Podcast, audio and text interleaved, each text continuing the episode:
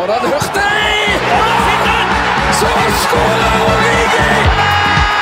Velkommen til Andalusia! Gutten har blitt en mann! Det blir for mye rør! Det er bullshit. Det er goal! Det er goal igjen! Der var reprisen, sorry. Da er det hens. Hens, hens, hens. Alt er hens. Guro Reite! Hadde VM vært eh, en bok, så hadde det vært en bestselger. Det har inneholdt alt. Kontroverser, korrupsjon, dramatikk, enorme sportslige prestasjoner, narrativer, historien om tidenes beste fotballspiller ble skrevet, avslutningskapittel ble skrevet, historien om kongene, historien om kronprinsen, og det har vært eh, for første gang, eh, vil mange si, et virkelig globalt mesterskap. I, dere har fulgt oss her i TV 2 sin VM-podkast, og vi sa i går at det var siste ordinære episode. Men som alle gode bøker, så må vi ha, et, ha en epilog.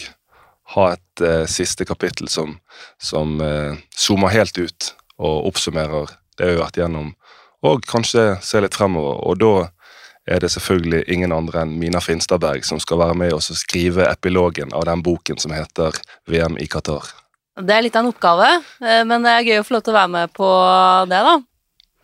Og eh, du er jo den, som jeg kjenner i hvert fall, som har eh, Hva skal du si Fulgt dette VM-et lengst. Har hatt en, hatt en tydelig mening om dette VM-et lengst. Mm. Det er jo veldig mange av mediene som har fått veldig berettiget kritikk om at de ikke kom på banen før VM omtrent før åpningskampen sto for døren eh, i forhold til alt, det som, alt dette bakteppet til VM. Mens du der, Det er jo fakta faen at vi kan faktisk gå tilbake igjen på din Twitter-feed og finne meninger om VM. Eh, jeg vet ikke hvor langt tilbake igjen du Nei, Eller når du første gang begynte å engasjere deg i dette.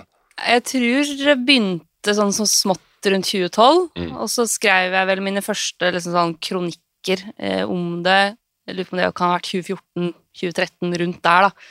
Så det er jo nesten et tiår, da.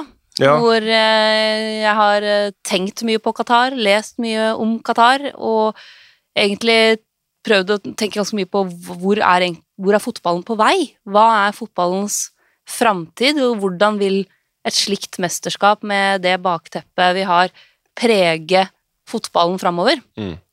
Og jeg tror ikke jeg har fasiten på det her vi sitter nå dagen etter VM-finalen, men jeg tror at det er veldig lurt å ta litt sånn opptelling i dag, da. Hva er det egentlig vi har vært vitne til, og hvordan, hvordan kommer historien til dette VM-et til å være i ulike deler av verden? For den varierer seg voldsomt fra hvor du drar. Hvis vi skal se for oss et scenario, eh, bruke fantasien litt. Nå sitter vi inne på et uh, møterom her på Diagonale.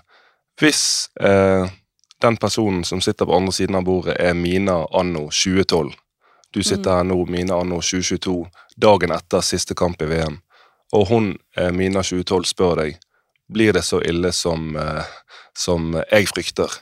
Eh, hva kan jeg forvente meg? Hva svarer du henne? Jeg, det ble ikke så ille som jeg trodde for ti år siden, men forutsetningene da var jo også helt annerledes. Da var jo fortsatt planen å spille på sommeren. Mm. I den enorme varmen, eh, med disse litt sånn eh, eh, sci-fi aircondition-opplegget i bana, som var den opprinnelige planen. I 2012 så var også situasjonen på bakken i Qatar verre enn det den er nå. Eh, Jeg har vært kritisk til eh, implementeringa av en del av de eh, reformene som har kommet i Qatar, som skulle sikre arbeiderne litt bedre arbeidsforhold, litt bedre rettigheter. Fordi mange av dem er liksom ålreite på papiret, men har ikke blitt implementert godt nok. Men det er likevel bedre enn det var før man innførte de reformene. Um, hvor mange som har dødd i oppladninga til mesterskapet, bygging av alt av infrastruktur, veit vi jo ikke. Det var jo noen som prøvde å spå omtrent hvor mange som dødsfall vi man kom til å få eh, fram mot VM, men ingen veit om de spådommene slo til. Fordi eh, det er jo ikke nok åpenhet om dødstallene. Det verserer en rekke ulike tall. Jeg har aldri brukt det tallet 6500 som kom i den The Guardian-artikkelen, fordi de tallene sa jo ikke det veldig mange trodde de sa. Mm. De tallene var jo eh, fra fem landgrupper, eh, dødsfall, og det var alle dødsfall i de landgruppene.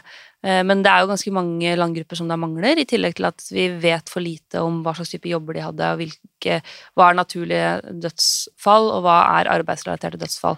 Og bare helt sånn kort oppsummert, eh, hvis du da skulle forklart Mina 2012 eh, Og dette har jo vi snakket en del om, jeg tror det nå håper jeg i hvert fall at det er etablert hos veldig mange av de som hører på denne podkasten òg. Men hva mener du har vært det verste med dette VM her? Altså det, det verste med, med VM øh, var jo egentlig alt som skjedde før VM begynte. Mm. ikke sant? Altså Hvis vi skal tenke på dette VM-et her, sånn, hvordan det har vært den måneden her, så er det én ting, men for meg så har det jo hele veien vært oppkjøringa og øh, alle de menneskerettighetsbruddene som vi veit har skjedd øh, for at Qatar skulle bli klare til å arrangere VM. Ikke sant? Og, med alt fra lønnstyveri til tvangsarbeid til eh, dødsfall til folk som blir skada for livet. eh, og manglende organisasjonsfrihet og ytringsfrihet for de migrantarbeiderne. Så det har på en måte hele tida vært eh, min viktigste kritikk, da. Mm, Det har jo, og så er jeg sånn opptatt av at eh, fotballen verken kan eller bør, tror jeg, ta ansvar for alle problemene i et land. Det tror jeg ikke er mulig. Men fotballen har et egenansvar for det som skjer i fotballens navn, Mm. og det som skjer på grunn av fotballens tilstedeværelse. Så Jeg syns det er en fantastisk god presisjon. Fordi fotballens og Fifas ansvar er jo når det skjer menneskerettighetsbrudd som enten skjer pga. fotballen, eller øker i omfang pga. Mm, fotballen, mm. da blir det fotballens ansvar. Ja. Og det er litt viktig, fordi veldig ofte i den diskusjonen her så får man spørsmål om hva med det, hva med det, hva med det, hva med det, hvorfor snakker dere ikke om den og den krigen, hvorfor snakker dere ikke om at Norge selger eh, våpen til Qatar, hvorfor snakker man så mye om det i dette tilfellet, men ikke i andre tilfeller, sant? Mm. Og jeg skjønner at de spørsmålene kommer, men for meg så har det hele tida vært viktig å påpeke at når det er et fotball-VM det er snakk om, så må vi snakke om de tinga som angår fotballen. Ikke sant? Og, og vi må snakke om de menneskerettighetsbrudda som skjer pga. fotballens tilstedeværelse og pga. fotballens aktiviteter. Det er det fotballen har ansvar for. Og så, eh, for å snu på det, så jeg må innrømme at jeg har gledet meg veldig til å få deg med her i podkasten òg, det at du er den òg som jeg kjenner som eh, det ikke går an å anklage for sportsvasking. så, så da føler jeg meg mye mer eh, komfortabel med å spørre dette spørsmålet. Men når, om, du, om vi fortsetter på det eksperimentet, og Mina 2012 spør deg hva eh, Og det trenger ikke bare være én ting, men din mening, bare. Hva har vært det beste med dette VM? Det beste med det mesterskapet her har vært å se uh, den stoltheten mange fra Midtøsten og den arabiske verden har over dette mesterskapet her. Og jeg mener at det svekker ikke av, noe av min kritikk mot mesterskapet å anerkjenne betydningen av å ha et VM i Midtøsten. Ja, Så går det jo begge deler. Ja, det, og det har vært en milepæl, og det tror jeg er viktig å anerkjenne at det har betydd veldig mye for veldig mange mennesker. Jeg var jo i Doha. Uh, tok en dag hvor jeg bare stakk inn, inn til en, et av de mest uh, folkerike områdene i sentrum der for å prate med flest mulig folk. Og bare snakke med folk om hvordan de opplevde det her. Og uh, de folka jeg snakka med da, var mange, veldig mange med ulike bakgrunner fra Midtøsten, som uttrykte en veldig stor stolthet over det. Og det, og det er helt reelt. At dette har vært et mesterskap som betyr veldig, veldig mye for veldig mange. Mm. Og vi skal heller ikke eh, feie under teppet at for veldig mange, spesielt muslimer i Europa, så lever de med mye stigmatisering. Eh, de eh, opplever fordommer, de opplever islamofobi i sine hjemland, og, og de opplever å, å bli på en måte, ja, bli veldig sterkt stigmatisert. Da. Så for veldig mange muslimer i Europa så har dette også vært viktig. Det er også en påstand. Jeg kommer til å komme med flere påstander. men En påstand er jo eksempel Marokko, eh, når du ser hvor Altså Selvfølgelig kan man si eh, kanskje Argentina nå i finalen med Messi, at Messi har så stor tilhengerskare globalt at den oppslutningen er enorm. Men Marokko, da, som gjenstår i semifinalen som første afrikanske land i en semifinale, så på mange måter har hele det kontinentet i ryggen, Også første arabiske land i en semifinale har hele den muslimske verden i ryggen. Det, på mange måter kan vi si at det er det fotballaget i verden som har gjort flest mennesker stolte Mm. Og Marokkos eh, vei i det VM-et her er også viktig, og jeg mener at det er en ekstremt viktig eh, historisk milepæl å få et afrikansk land i en semifinale i VM. Det tror jeg er kjempeviktig for fotballens utvikling. Og jeg tror det også er ekstremt viktig i ei tid hvor man ser at det, hvis vi kan snakke om et klasseskille da, mellom eh, Europa og et par søramerikanske land, Mm. og resten, at det gapet blir stadig større, så tror jeg det er kjempeviktig at vi har fått en semifinalist fra, eh, fra Afrika. Og, og jeg tror også at vi må huske på at det er fryktelig mange med bakgrunn fra Marokko som bor i veldig mange ulike land i Europa. Mm.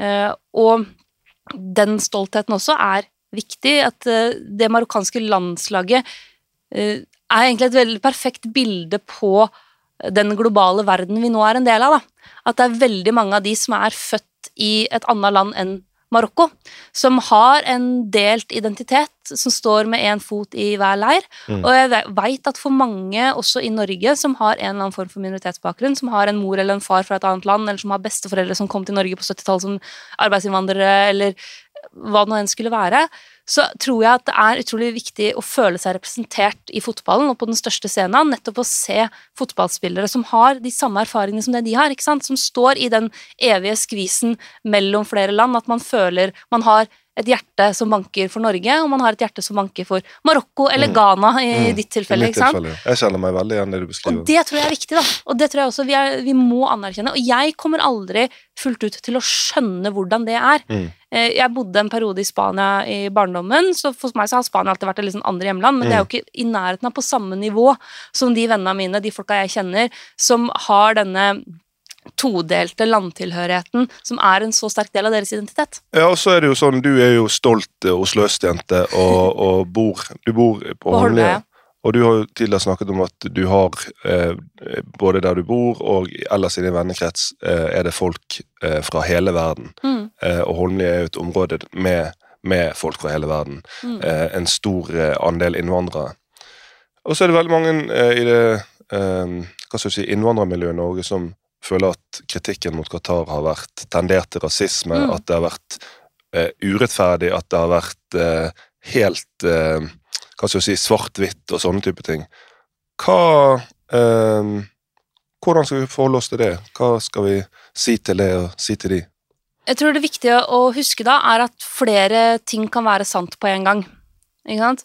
Fordi eh, jeg mener ganske bestemt at hoveddelen av kritikken mot eh, VM i Qatar, og måten mesterskapet ble tildelt på, og alt som har skjedd i uh, oppbygninga til VM, eh, er eh, helt uavhengig av at det skjer i Gulfen, og er helt uavhengig av at det skjer i et arabisk land, at det handler om måte, grunnleggende menneskerettigheter, det handler om Mm. arbeidsforholda til de migrantarbeiderne som har bygd stadioner, veier, eh, metro, som har vært sikkerhetsvakter på, på disse hotellene som spillerne har bodd på og sånn, Eh, og at hoveddelen av den kritikken er eh, prinsipiell eh, og er helt uavhengig av at dette skjer i Midtøsten, Um, og er altså da uten rasistiske undertoner. Men jeg mener samtidig det er sant at det har vært eh, undertoner i, underveis i mesterskapet og i forkant av det, på en del annen type kritikk, eh, som eh, tenderer mot rasisme. Eller som i hvert fall tenderer mot eh, tidvis fremmedfrykt, men også en litt sånn derre orientalistisk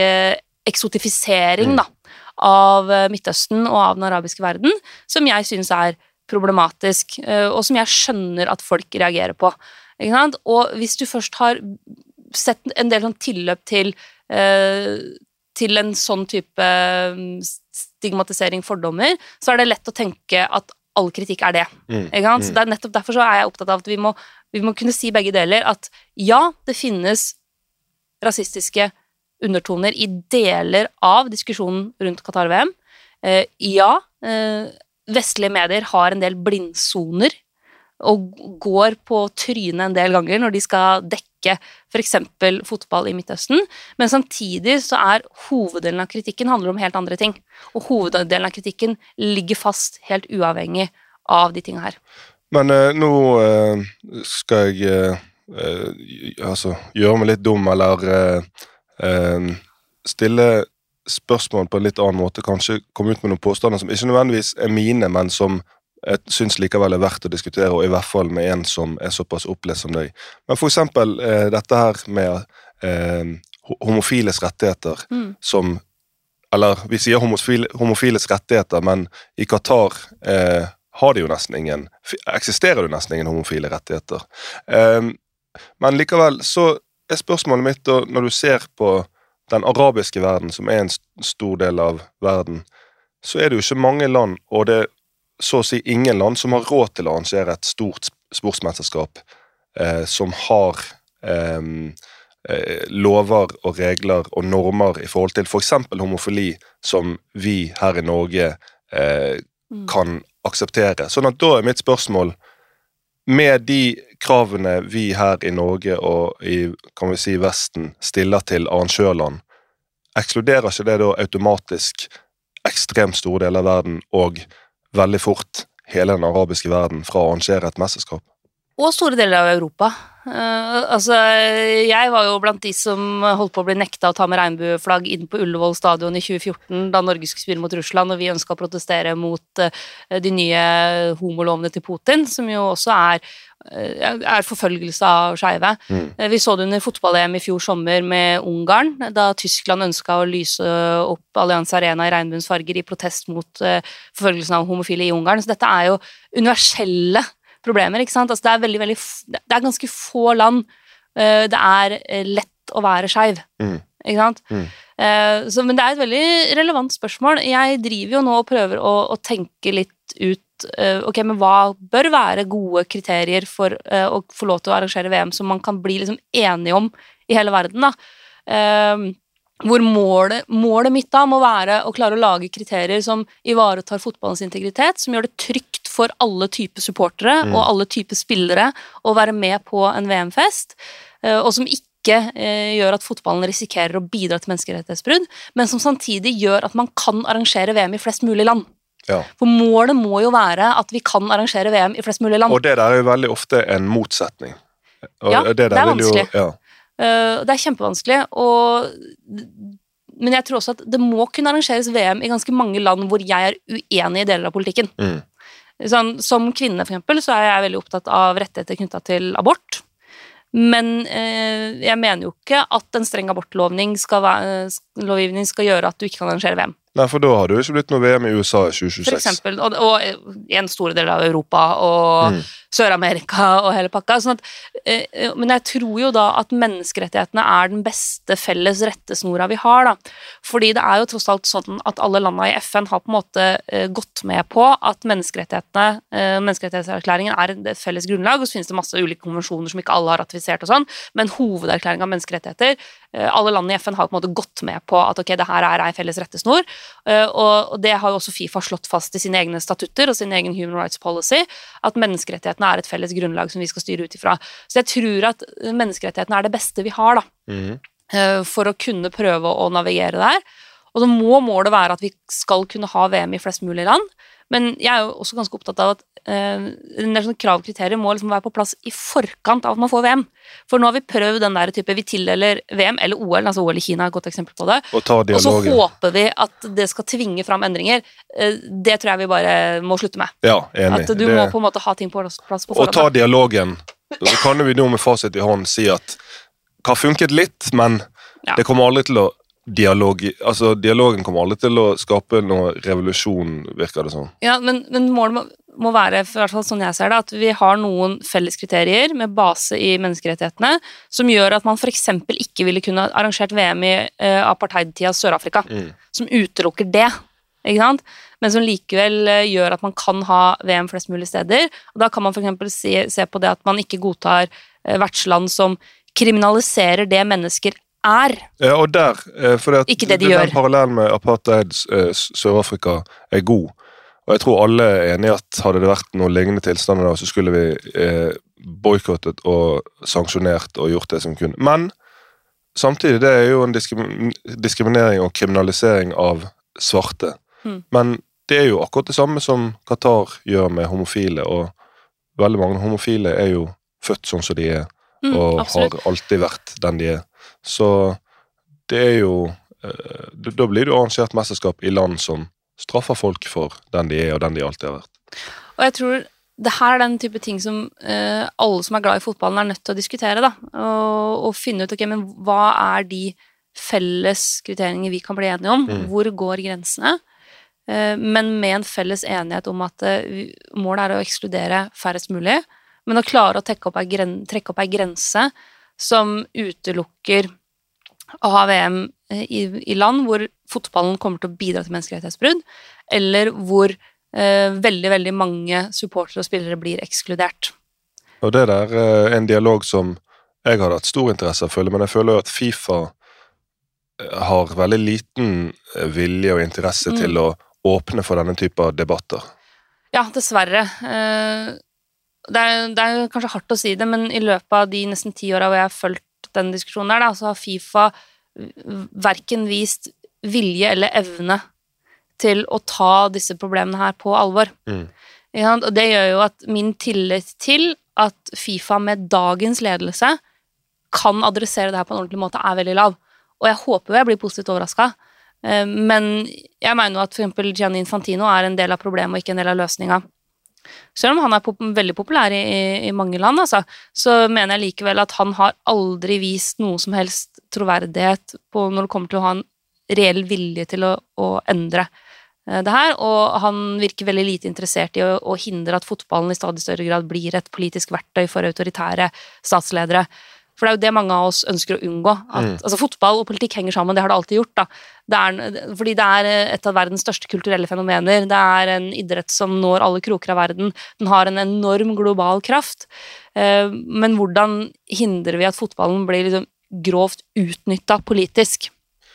Og så er det jo eh, vel, Det har kommet ekstremt mye kritikk mot Infantino, berettiget. Og når det snakkes om korrupsjon, og når det snakkes om ja, den type ting, så er jo det vanskelig å ikke kunne se for seg det eh, når du hører ordene korrupsjon og Infantino. Men det som eh, Han er jo eh, som sjef for Fifa når han sier at fotball er en global sport. Mm. Han har jo tatt eh, veldig hensyn til land og regioner utenfor Vesten. Mm. Og VM i Qatar er jo på mange måter eh, kan, altså, et av de mest globale VM-ene vi har hatt eh, så langt, når du ser på eh, tilreisende, når du ser på selvfølgelig hvilke land som har gjort det godt i mesterskapet òg. Men eh, en utfordring må jo være at eh, vi er jo veldig opptatt av demokrati og at Fifa skal være demokratisk og sånn, men er vi klar, er vi forberedt på at det kan hende store deler av verden bare har helt andre verdier enn oss her i Norge, oss her i Vesten. Ja, og jeg må jo si at når, når folk for et par uker siden drev og sa sånn ja, Lise Klaveness bør bli Fifa-president, liksom, så satt jeg og tenkte at sånn dette er enormt naivt, og også litt på grensa til arrogant, fordi jeg syns Lise Klaveness er superflink, men hun har ikke sjans å bli valgt som Fifa-president nå. Om ti år, hvem veit, men nå, det er ikke, det er ikke sjans, liksom. Alle de grunnene til at veldig veldig mange i Norge digger Lise Klaveness, er jo grunner til at store deler av Fifa hater henne. Mm. Uh, og nummer to, det er jo litt arrogant fra norsk side å tenke at uh, Liz Klaveness er flink, altså, men hun har ikke vært fotballpresident et år engang. Og det å tenke at du skal gå rett fra å, et snaut år som fotballpresident i Norge eh, og inn og bli Fifa-president, liksom, Mm. det er jo litt som å gå rett fra å være, være ordfører i en ganske liten norsk kommune til å bli statsminister. Og det er jo ikke helt sånn det funker. Men Infantino er, eh, har brei støtte mange, mange steder. Det, er jo en grunn til at han ikke har noe Ja, for all, all, altså all støtten du sier om korrupsjon, og det kan godt hende det har blitt skjedd noen tilskudd og betalinger, det har det sannsynligvis, noe av det har blitt dokumentert. Men noe av støtten handler jo bare rett og slett om at eh, eh, ledere i andre deler av verden opplever at han faktisk tar disse nasjonene på alvor. interesser. Ja, han backer deres interesser, og han er villig til å eh, altså spre ressursene, spre pengene eh, til, til eh, andre områder, fattigere land. Mm. Og, gjøre fotballen mindre eurosentrisk. Og bare så det er klinkende klart, det er ikke noe umoralsk, uetisk eller korrupt ved at f.eks. fotballedere i eh, Karibien stemmer på Gianni Infantino, støtter Gianni Infantino, hvis de opplever at han er den som eh, representerer deres interesse best. Men spørsmålet mitt da er jo eh, For det virker altså det er jo, det er jo sagt de, Alle disse eh, ekstremt dyktige nyhetsreporterne våre som er, har vært der nede, sier jo at f.eks. det her diskusjonen om eh, arbeidernes rettigheter, altså Mm. diskusjonen om disse dødsfallene Mange land virker det for meg i hvert fall, virker det som eh, at de ikke bryr seg like mye. At det ikke er en like stor greie. Og det, det tror jeg handler litt om at debatten i Norge har vært ganske unik. da. Eh, Norge og, og Nord-Europa eh, har vært veldig mye mer fokus på det, annet takket være det liksom, supporteropprøret vi hadde som resulterte i et ekstraordinært fotballting. Ja. Sånn at dekninga fra media i Norge har nok vært mye, mye mer eh, på de sidene av VM enn det det har vært mange andre steder. Eh, og det er jo ikke så rart at det da også preger folks syn på VM på en helt annen måte enn eh, det det har gjort i, i Norge. Så så det er ikke så overraskende, egentlig. Eh, og så er det jo også sånn at eh, vi er jo i en veldig privilegert posisjon i Norge, fordi vi eh, har jo Vi er jo vant til en veldig høy standard på veldig mye, Mm. ikke sant? Og det gjør jo også noe med perspektivet ditt. Sant? Eh, uten at eh, det betyr at den kritikken som har blitt målbart her i Norge, er feil. For den Nei, er helt den- den riktig. den er helt riktig og, liksom. og at det at eh, vi skal se fantastisk fotballkamp, og det at vi skal se Messi, og det at vi skal se VM, at det skal medføre x antall dødsfall, Mm. det er uansett hva, uansett hvor, så er det feil. Og det har jeg holdt på å si, mener jeg, men det er ikke noe jeg mener. Jeg mener at, altså, Sånn er det jo. Det, er for, det, det skal ikke skje. Men så er spørsmålet mitt um, Sånn som jeg har jo en far fra Ghana og har vært der ganske mye. Jeg har bodd der et år da jeg var yngre.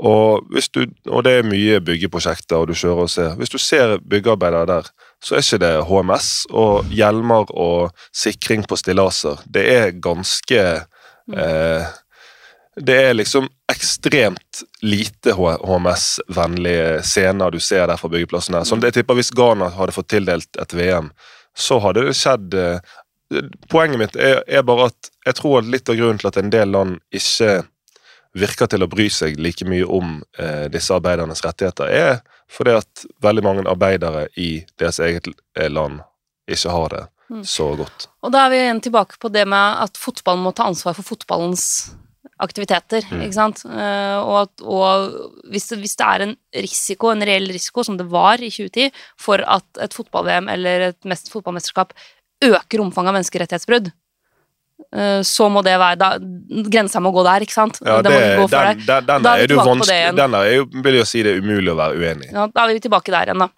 Men jeg tror jo også at eh, Jeg syns den talen Gianni Infantino holdt i starten av VM, eller sånn 'Today I feel uh, gay', og Mm. 'Today I feel like a migrant worker', var jo liksom helt hinsides. Ikke sant? Det, det var jo eh, et, noe av det rareste jeg har sett og opplevd. Uh, men det er én ting som er liksom verdt å ta med seg fra den talen og dekninga rundt det, og det er jo at altså Infantino vet jo jævlig godt Unnskyld, veldig godt. Uh, Ja, men hva- det hva- ja, det, er- det er deilig. Han vet veldig veldig godt hva det er han gjør, fordi han spiller jo på en uh, splid som er høyst reell, og som veldig mange eh, i den globale fotballverdenen kjenner på, nemlig eh, det klasseskillet mellom fotball-Europa og resten, og de økende forskjellene.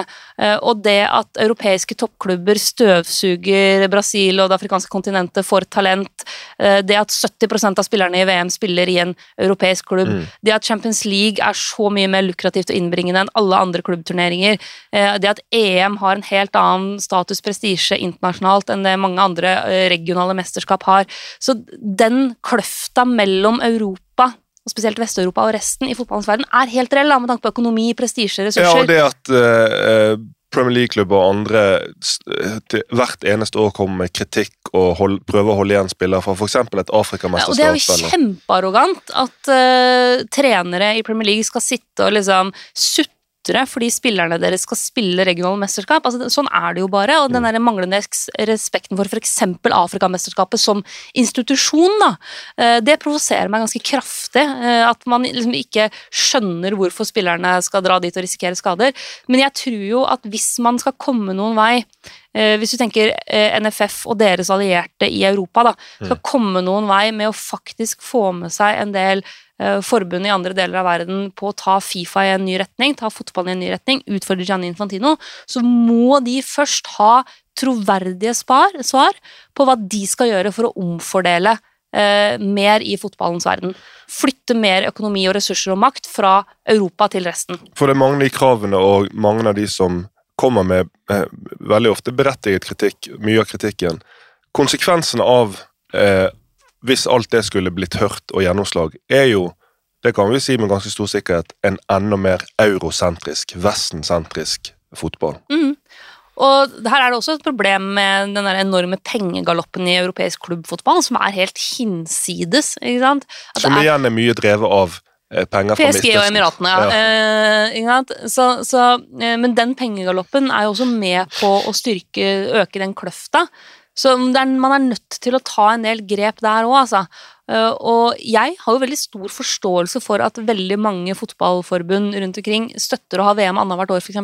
Mm. Med tanke på økt sjanse til å få spilt et mesterskap, eh, mer penger, mer prestisje, mer ressurser inn. Det er ikke noe rart å skjønne at mange støtter det. For det er vokst opp en sånn type nå skikkelig Clash of the Titans, en skikkelig maktkamp mellom Fifa, som er globalt, og Uefa, som Mm. er europeisk, mellom Infantino og Seferin, som er Uefa-topp. Jepp.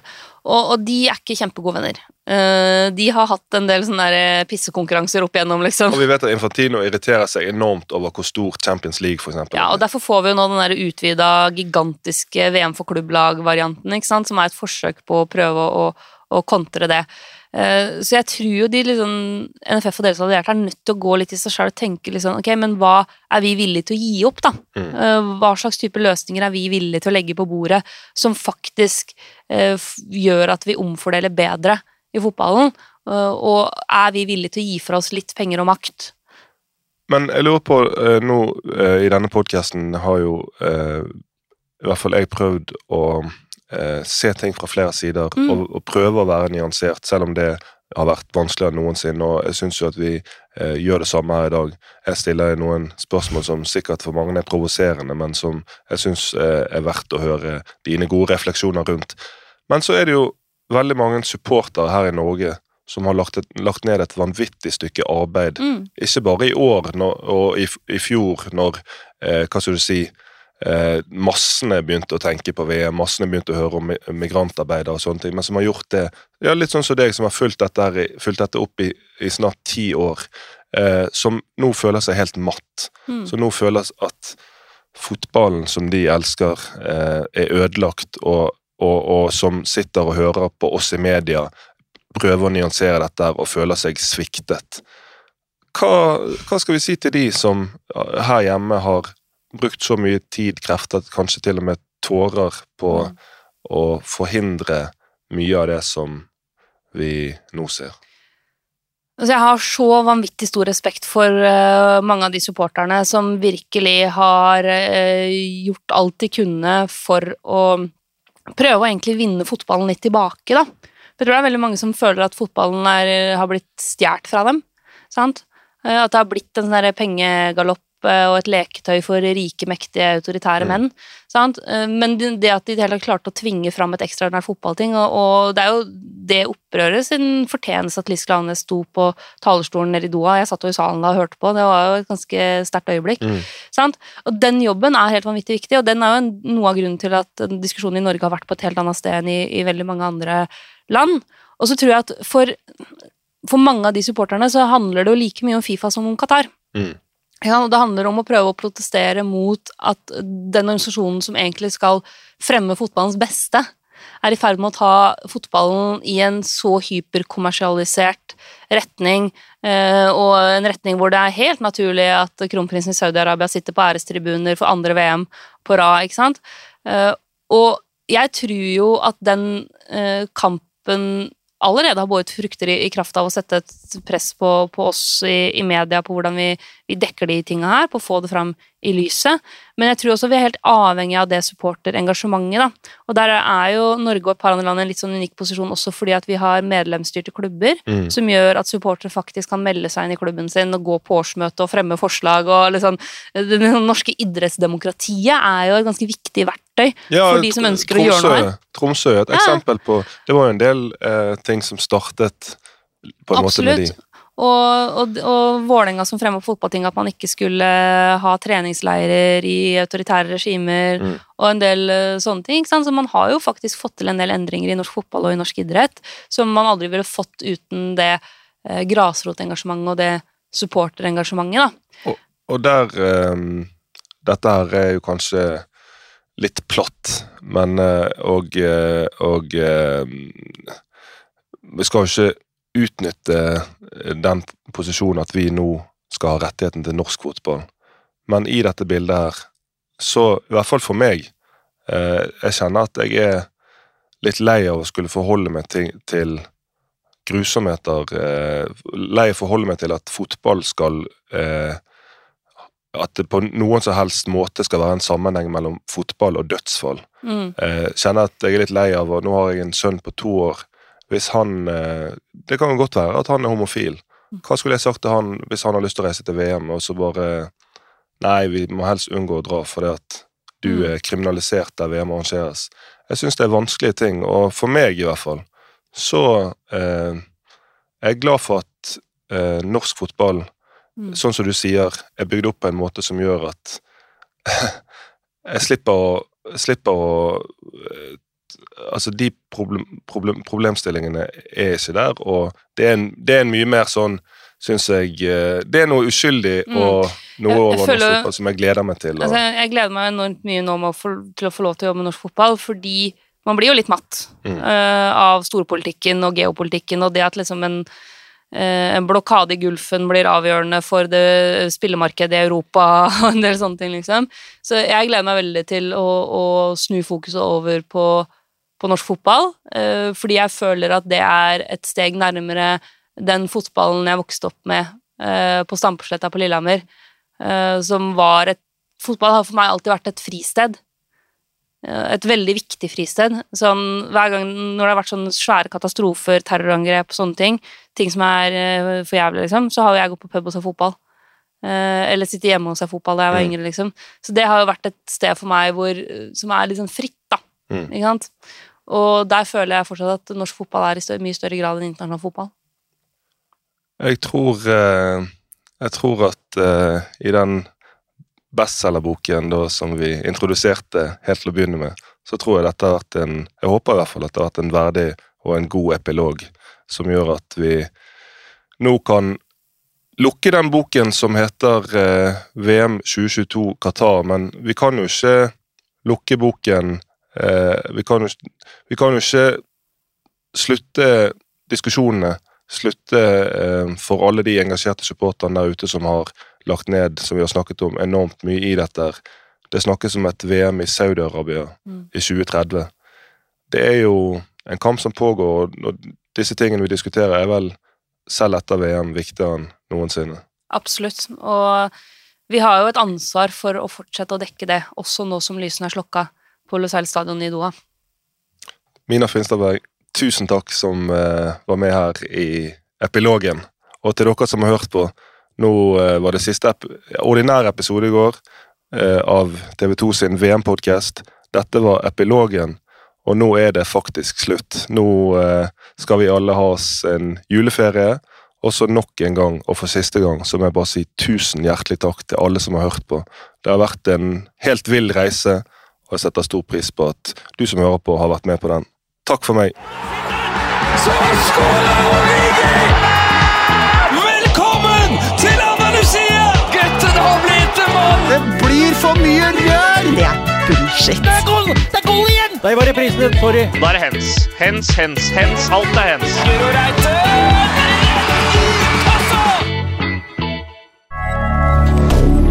Moderne media.